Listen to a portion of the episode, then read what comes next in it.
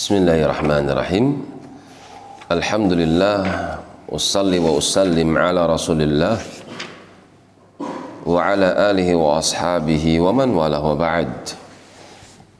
Masih di dalam surah Adhariyat Sampai pada firman Allah subhanahu wa ta'ala Wa ma khalaqtul jinna wal insa.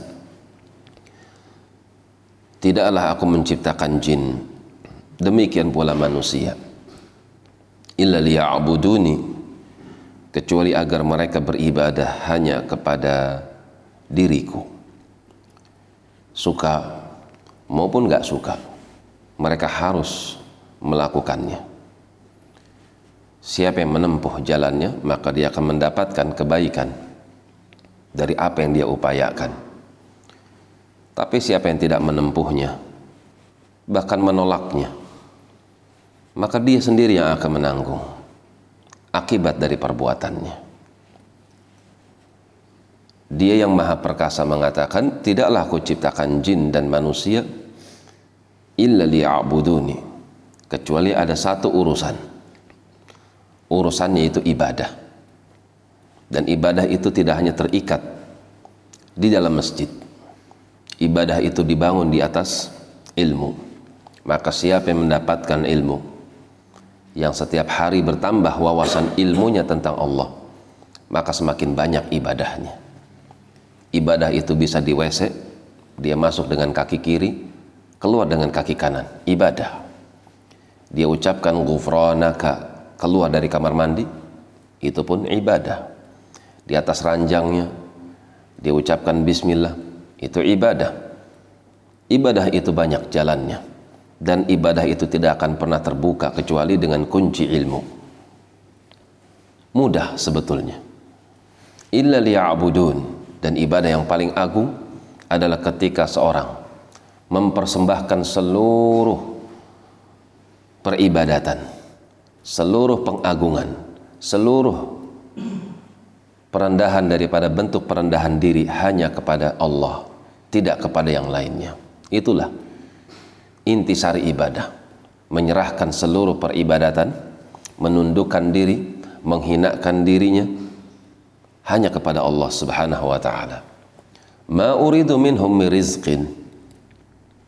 Aku tidak menginginkan dari mereka itu rizki tambahan kekuasaan tambahan kekayaan disebabkan ruku dan sujud. Tidak. Wa ma uridu ayyut'imun dan aku pun tidak menginginkan dari mereka agar aku diberikan makan.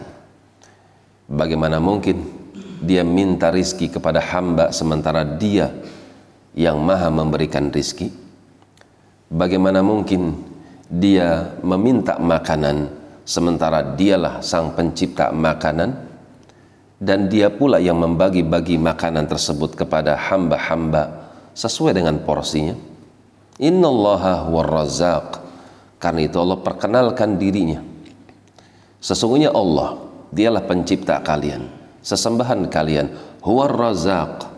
Dialah yang maha pemberi rizki, makanan, pakaian, kesehatan, pekerjaan, aktivitas, semua yang mengatur adalah Allah. Karena itu, sepatutnya bagi kita meminta kepada dia yang maha pemberi rizki, Dhul Quwwatil Matin yang memiliki kekuatan yang tidak pernah terkalahkan. Lagi kokoh.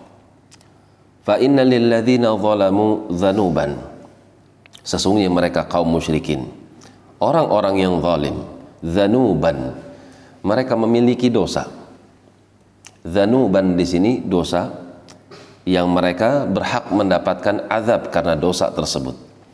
Mithla dzanubi ashabihim seperti dosa yang dilakukan oleh orang-orang sebelum mereka dengan dosa yang semodel kesyirikan. Mereka mempersembahkan peribadatan kepada Allah, namun di sisi lain mereka mempersembahkan persembahan juga kepada selain Allah. Itulah kesyirikan. Fala yasta'jilun. Karena itu ya Muhammadu sallallahu alaihi wasallam jangan kau minta disegerakan azab. Fawailul ladzina kafaru. Karena mereka sudah mendapatkan bagian. Akan ada bagian untuk mereka. Maka fawailul maka celakalah. Lilladzina kafaru. Bagi mereka orang-orang yang ingkar ragu akan adanya kebangkitan setelah kematian.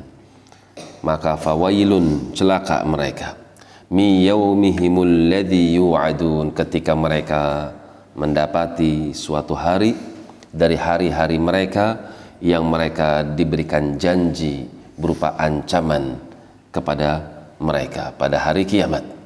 Maka celakalah bagi mereka orang yang ingkar, celaka bagi mereka orang yang ragu, celaka bagi mereka orang yang meninggalkan peribadatan ketika mereka mendapati hari yang dijanjikan ternyata mereka tidak memiliki bekal untuk menjadikan tiket masuk ke dalam surganya. Demikian wallahu taala a'lam bis-shawab selesai surat Adz-Dzariyat. Subhanakallahumma wa bihamdika asyhadu an la ilaha illa ant astaghfiruka wa atubu ilaik. Tafadhalu بارك الله فيكم.